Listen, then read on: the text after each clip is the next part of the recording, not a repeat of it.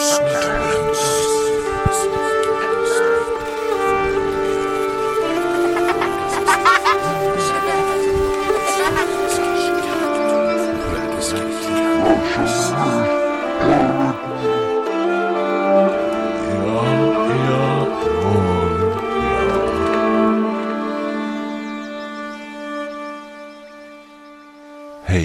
och välkommen till Sömnlöspodden med mig Joakim Widsson och eh, Happy Halloween som man säger borta i de Förenta Staterna.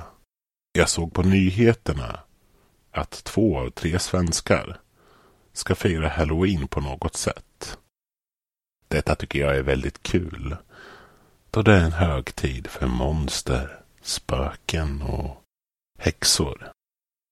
För er som inte är ute och knackar dörr och frågar den eviga frågan bus eller godis och sitter bekvämt i er lägenhet eller villa så är ju Sömnlöspodden ett perfekt sätt att fira denna högtid med. Till veckan gav jag ett val mellan två klassiska creepypastas Mr Smile eller Jeff the Killer. Mr Smile vann med knapp marginal. Men var inte ledsna ni som hoppades på Jeff the Killer. Han kommer att dyka upp här i podden. När ni minst anar det. Det är svårt att säga exakt när Mr Smile släpptes. Eller vem som är den ursprunglige författaren. Men det är en hårresande berättelse som är först ut i denna Halloween special.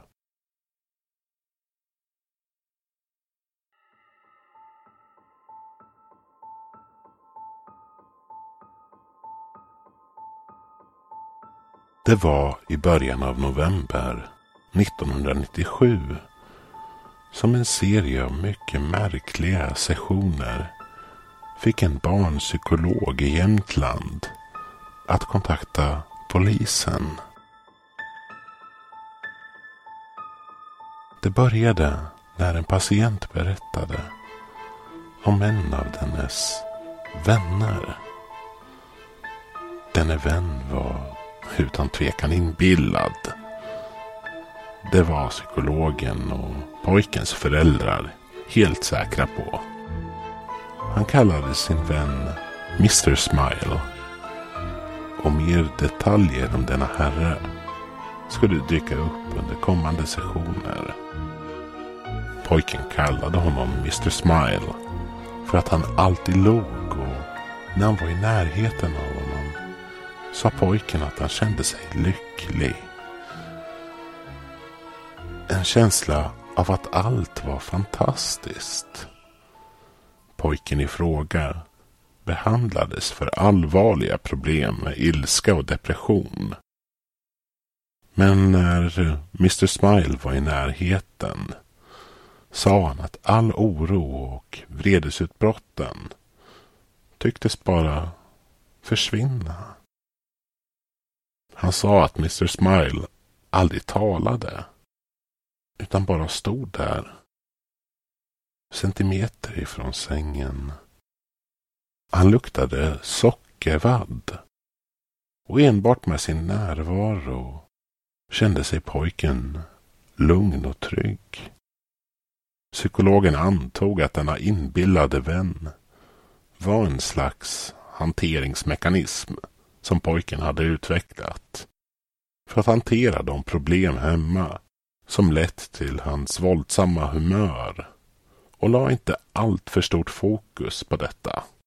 Fram till att en annan patient, en tjej på cirka nio år, också började prata om sin låtsaskompis, Mr Smile. Och sen en sjuårig pojke. Och så en tolvårig pojke. Och så en elvaårig flicka. På kort tid hade femton olika patienter pratat med honom om Mr Smile. Efter de första hade han tänkt att det bara var en slump. Trots allt är det inte ovanligt att barn har imaginära vänner. Men någonting med att namnet var exakt likadant och på engelska med samma beskrivning av Mr Smile var märkligt men bekymrade honom inte allt för mycket i början. Men när fler och fler av hans patienter berättade för honom om Mr Smile började han bli orolig. Han bad om mer detaljer. Var och en av dem beskrev honom på samma sätt. Använde exakt samma ord. Det var ju omöjligt att alla dessa barn kunde ha kontakt med varandra. Fem av dem bodde i små byar långt utanför Östersund och deras problem hade lett till att de knappt gick till skolan överhuvudtaget. De lämnade ju inte ens huset. Förutom när de skulle följa med och handla eller liknande. Det var omöjligt att varenda en av dessa barn kunde ha repeterat eller förberett sina uttalanden tillsammans. Vilket ledde honom till en djupt oroande slutsats. Han pratade privat med var och en av barnens föräldrar, en i taget, och undvek att avslöja för mycket information. Men berättade att något oroande dykt upp i flera sessioner med olika patienter och trodde att deras barn kunde vara i fara. Han bad om deras tillåtelse att diskutera frågor med myndigheterna och föräldrarna gav sitt samtycke. Och så under veckan därefter kom polisen och pratade med barnen om deras vän. De bad om detaljer om hans utseende som de inte kunde beskriva förutom leendet och att han inte riktigt var som dem. Det fanns ingen förklaring till hur han kom in i deras hus, vad han sa eller vad han gjorde medan han var där. Vid denna tidpunkt var psykologen, föräldrarna och polisen alla övertygade om att Mr Smile var verklig och farlig. Det var helt enkelt klart att vem än nu denna Mr Smile var, var han en riktig person som smugit sig in i dessa barns hem på natten. Inget av barnen visste riktigt hur han kom in. De sa att de brukade vakna och att han stod där vid deras säng. Ibland sa de att han brukade sjunga, men det var inte på svenska eller engelska. Det lät som en vaggvisa, sa de. Det fick dem att känna sig trygga. Ian, oh, oh. oh. Ian, oh, oh. Ian, oh, oh.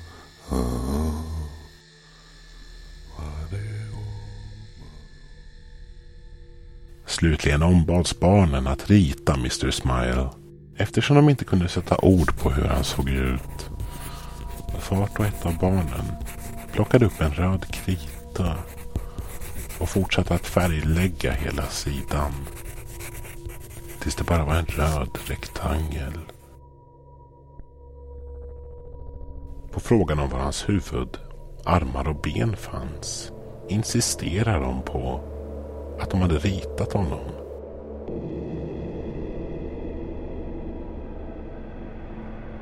De hävdade att det var en perfekt teckning av mannen som stod vid sängen. Och när de fick veta att de bara färglagt en sida och inte ritat någonting blev de ilskna eller förvirrade. De kände att de anklagades för att ljuga och insisterade på att det de hade ritat var en teckning av mannen de hade sett. Psykologen, som blev nyfiken av detta, bestämde sig för att visa en av de färglagda rektanglarna för de olika barnen och frågade dem vad det var. Var och en av dem utan kunskap om vad bilden skulle vara eller vem som hade tecknat den och utan att veta om att de andra barnen ens existerade. Svarade att det var en bild av Mr Smile. Kameror och babymonitorer placerades i barnens rum så att de kunde övervakas. Många av föräldrarna slutade helt enkelt sova. Stannade uppe hela natten och stirrade på skärmarna som visade att deras barn sov. Ingen gick ut eller in från sovrummen. Inga ljud, förutom snarkanden. Vissa pratade i sömnen. Men det fanns inga tecken på Mr Smile. Efter nästan två veckor av detta började många av dem tvivla på att Mr Smile någonsin hade funnits. Andra psykologer har sedan dess lagt ner det hela till någon konstig delad villfarelse som, även om det inte gick att förklara, inte hade någon grund i verkligheten. Vissa föreslog att hela Mr Smile-grejen hade sin grund i ett tv-program eller en film som barnen alla hade sett. Vilket ledde till alla drömmar. Sedan försvann en av pojkarna. Kameran i hans rum hade dött vid tvåtiden på morgonen. Hans mamma hade rusat in för att se vad som hände. För att finna rummet tomt. Det hade bokstavligt talat tagit henne mindre än en minut att springa till hans rum. Det fanns inget sätt för honom att lämna eller bli kidnappad för den delen. Men han var borta. Mamman sa att det luktade sockervadd i rummet.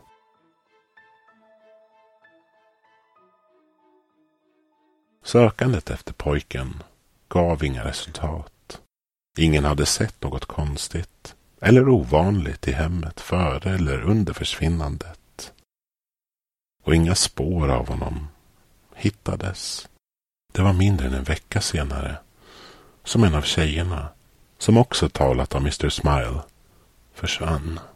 Sen en av pojkarna. Sen en till. En efter en började de försvinna. Tills bara fyra återstod. De fyra återstående barnen började prata om hur Mr Smile och hans vänner skulle ta dem bort. På frågan om dessa vänner berättar de om hur Mr Smile levde med de andra leende männen i The Happy Place och att han skulle ta dem dit snart. De sa att det redan var massor av barn där och att allt var vackert. De sa att de visste om det eftersom Mr Smile pratade med dem i deras huvuden. För att han inte kunde prata som människor. Och de såg i sina tankar bilder av platsen där han var på väg. Saker och ting började bli allt mer oroande. Efter några veckor började barnen klaga på huvudvärk och illamående.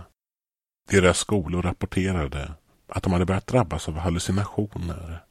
Och två av dem började klaga på att de inte gillade platsen som Mr Smile visade dem längre. En började skrika i ungefär en halvtimme. Agerade som att de fick ett anfall. Och skrek om att färgerna måste sluta. Att färgerna var hemska. Och att de behövde dem. För att försvinna. Ett av barnen påstod att Mr Smile hela tiden pratade med dem i huvudet och berättade saker för dem fruktansvärda saker. Men de kunde inte prata om det. Det fick de inte göra för honom. För då skulle deras föräldrar veta om de hemska sakerna också. Psykologen bad dem skriva ner vad Mr Smile sagt och lovade att inte visa för någon och lyckades vinna över en av pojkarnas förtroende så mycket att han gick med på det. Innehållet i det han skrev är bara känt för honom och polisen. Men när någon inblandad har blivit tillfrågad om det blir de helt tysta. Och snabbt hittar de en ursäkt för att byta ämne. Barnen slutade sova. Filmer från övervakningskameror visade dem sitta upprätt. Ögonen blinkade och de bara stirrade på väggen utan att röra sig eller göra ett ljud. Sömntabletter gjorde ingenting. En av flickorna började skära konstiga cirkulära märken i hennes hud. Medan två av pojkarna slutade kommunicera på svenska helt och hållet.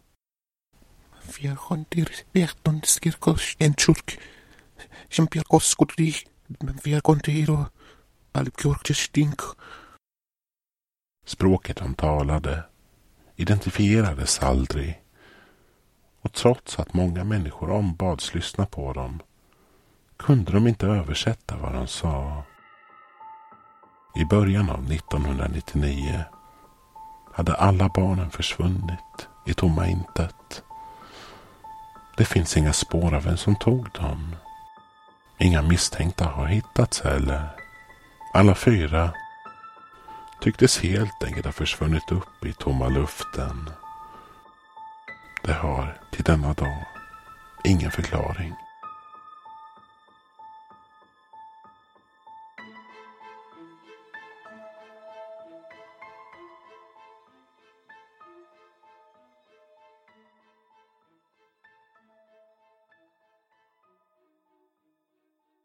Näst på tur i godispåsen med skräckhistorier är Halloween 64. Den handlar om ett spel som i denna berättelse är lite av en legend. Men när spelet väl sätts på är det långt ifrån ett vanligt tv-spel och orsakar all typ av smärta till den som spelar. Jag hade hört rykten om spelets existens på flera olika spelsajter och forum. Men jag trodde aldrig att det faktiskt var sant. Jag tillbringade ett år med att försöka spåra fram en kopia. Men för några veckor sedan bestämde sig spelet för att hitta mig. Men jag ber dig, gå inte in och börja leta efter det. Om ett okänt spel dyker upp vid din dörr. Låt det bara vara. Det kan dölja sig under vilken plattform som helst. Då följer inte universums regler. Om du är olycklig nog att spela det kommer jag ge dig instruktioner nedan. För att förhoppningsvis ge dig en chans. Spelet bestämde sig för att presentera sig för mig på en lördag klockan 12.00. Den hade manifesterat sig i en tom Nintendo 64-kassett. Utan skrift eller klistermärkens logotyp. Och placerades utanför min dörr. Utan anteckning eller instruktion. Jag rusade runt i 20 minuter och försökte förstå var det kom ifrån och vem som hade levererat det. Till slut kopplade jag upp min konsol och satte i spelet. Min version av spelet hade beteckningen Halloween 64 och inkluderade en inverterad Nintendo-logotyp. Det visade också förmodligen obefintliga utvecklare som Eology Inc. och Last Breath Software. Titelskärmen innehöll orden Halloween 64 och Press Start. Eller Tryck på start på svenska. Texten med en larvig grön slime-effekt fick mig att skratta till lite. Så snart spelet börjar kommer du inte kunna sluta förrän det är klart. Jag är säker på att du tänker det är bara att stänga av det, koppla ur den eller gå därifrån. Om det ändå vore så simpelt. Spelet har flera självförsvarsmekanismer. Och ju mer du försöker störa det, desto starkare blir det. Strömfunktionen på konsolen svarar inte om du försöker stänga av den. Den röda strömlampan lyser och systemet fungerar som vanligt. Även om du pluggar ur sladden. Spelet kan inte tas bort. Det spelar ingen roll hur hårt du än drar. Om du försöker tillräckligt mycket kommer konsolen att bli skållhet och bränna din hud. Utöver detta kommer all extern kommunikation att gå förlorad. Din telefon och internet fungerar inte medan spelet körs. Alla dörrar och fönster som leder till omvärlden kommer att vara otillgängliga. Min ytterdörr öppnades inte och alla fönster förblev också stängda. Hur hårt man än tog i. För att vara ärlig är jag inte säker på om tiden ens går medan man spelar. Eftersom varje klocka i min lägenhet stannade på 12.00 på natten när spelet började. Du får tio liv. Vissa aspekter i spelet kommer att spegla verkligheten. När du förlorar fler liv blir du sjuk. Väldigt, väldigt sjuk. Jag blev illamående. Mitt huvud började dunka okontrollerat mot väggen och näsan började blöda. Ju fler liv du förlorar, desto värre kommer du att må. Men du måste fortsätta att spela. Jag kan bara dra slutsatsen att om man förlorar alla liv kommer det att resultera i död.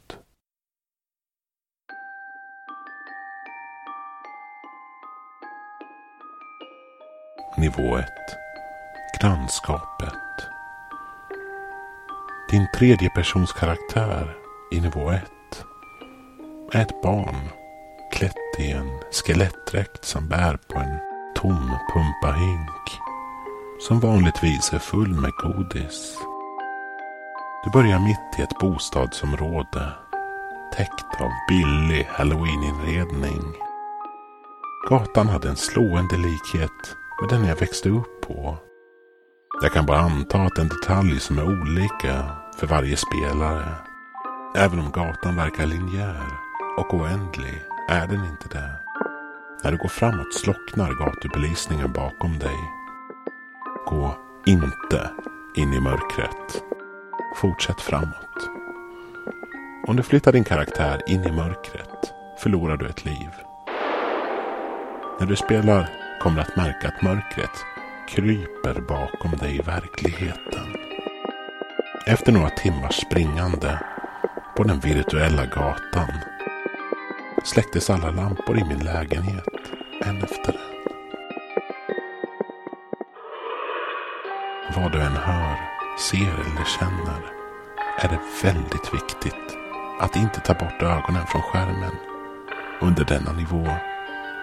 Du kommer att höra dörrar i ditt hem öppnas och stängas. Fotsteg och en välbekant röst som viskar i ditt öra. Det kan vara din mamma, din bror en kompis. Tappa inte koncentrationen, annars förlorar du fler liv. Du kan till och med känna en hand vila på axeln. Så småningom kommer nivån att sluta utan förvarning. Timern på skärmen visade att jag sprang i sju timmar och 26 minuter innan det kom upp ett fortsätt alternativ. Först tryckte jag på nej vilket resulterade i en skarp smärta i huvudet. Likt en massiv migränattack. Men den går över så fort du valt ja istället. Och resulterar också i att man förlorar ett liv. Nivå 2 Huset Nivå 2 visas i första person. Du kommer in i ett mörkt hus en svag ficklampa är din enda belysningskälla. När du går igenom denna nivå kommer du att märka en skillnad i temperatur runt om dig. Min lägenhet blev iskall, vilket gjorde det extremt svårt att koncentrera sig. Återigen måste du fortsätta spela. Om du reser dig upp och försöker justera elementet eller gå och hämta en jacka kommer du att förlora ett liv. Jag förlorade tre liv under denna nivå och började hosta blod när du rör dig genom huset kommer du att upptäcka olika vapen. När du hämtat alla dessa vapen kan du gå vidare till nivå 3. Dessa vapen kan du inte använda i självförsvar. Det är bäst att inte utrusta dem eftersom din karaktär bara kommer att använda dem för att begå självmord. Vilket resulterar i att fler liv går förlorade. När du rör dig genom det mörka huset kommer du att höra och se saker som kommer att testa dina gränser som människa. Jag kommer inte att gå in på detaljer, men jag såg och hörde saker i spelet som var djupt personliga, störande och värst av allt, äkta. Var beredd att bevittna varje fruktansvärd upplevelse av ditt förflutna. Alla saker du förträngt och kanske till och med gått i terapi för att försöka komma igenom. Återigen måste du fortsätta spela och du måste samla alla vapen. Nivå 3. Final. Den här, som den förra, är i första person. Jag gick in på den här nivån med två kvarvarande liv. Helt säker på att jag var avsedd att misslyckas. Liksom de tidigare nivåerna tror jag att den är skräddarsydd för personen som spelar. Du kommer in i ett sovrum och ser en person som ligger på sängen och sover.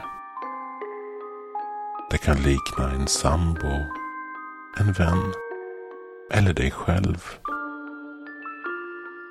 För mig såg jag kroppen av min bästa vän, John, som gick bort för tio år sedan. Du kommer att ha tillgång till alla vapen du plockade upp i nivå 2. En kniv, en blåsfackla, ett baseballträ och en skruvmejsel. Ditt mål är enkelt. Döda personen i sängen. Den kommer inte att kämpa eller slå tillbaka. När dess hälsa är nere på noll kommer du att vinna spelet.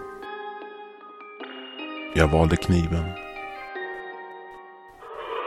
Jag gick fram till sängen. Siktade och slog mot kroppen med bladet. Glödhet smärta fyllde mina ögon och jag upptäckte omedelbart haken med nivå 3. Den smärta du orsakar personen kommer du att känna i verkligheten. Du kommer inte att blöda. Du kommer inte att svimma. Och du kommer inte att dö. Men du kommer att känna allt. Om du tar för långa mellanrum kommer din karaktär att dö. Och du förlorar ett liv. Personen på sängen kommer be dig att sluta. De kommer att skrika ditt namn om och om igen. Det tog mig 20 minuter att döda John. Och jag kunde knappt hålla kontrollen när det var över. Jag slutförde spelet med ett liv kvar. Min kropp var kall och jag skakade. Jag kommer ihåg att jag läste Game Complete. Spelet utfört. På skärmen innan det blev mörkt. Jag är inte säker på vem spelet kommer välja härnäst. Eller om det redan har valt. Jag hoppas bara att de läser detta innan det är för sent.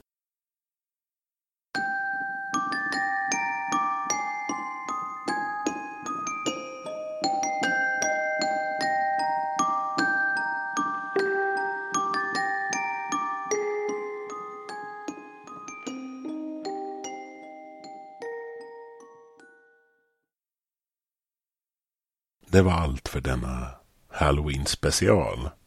Nu när julen hastigt närmar sig tänkte jag berätta lite mer om den planerade julkalendern. Det kommer att utspela sig på en hemsökt herrgård utanför Tierp. Mårdgården. Har du inte hört talas om den? Du kommer få svaret till varför i denna 24 episod långa serie med start den första december där deltagarna i en Haunted House Challenge alla möter på sina värsta mardrömmar. Sömnlöspodden är inspelad, berättad och redigerad av mig, Joakim Widsson. Tack för att du lyssnat och välkommen åter.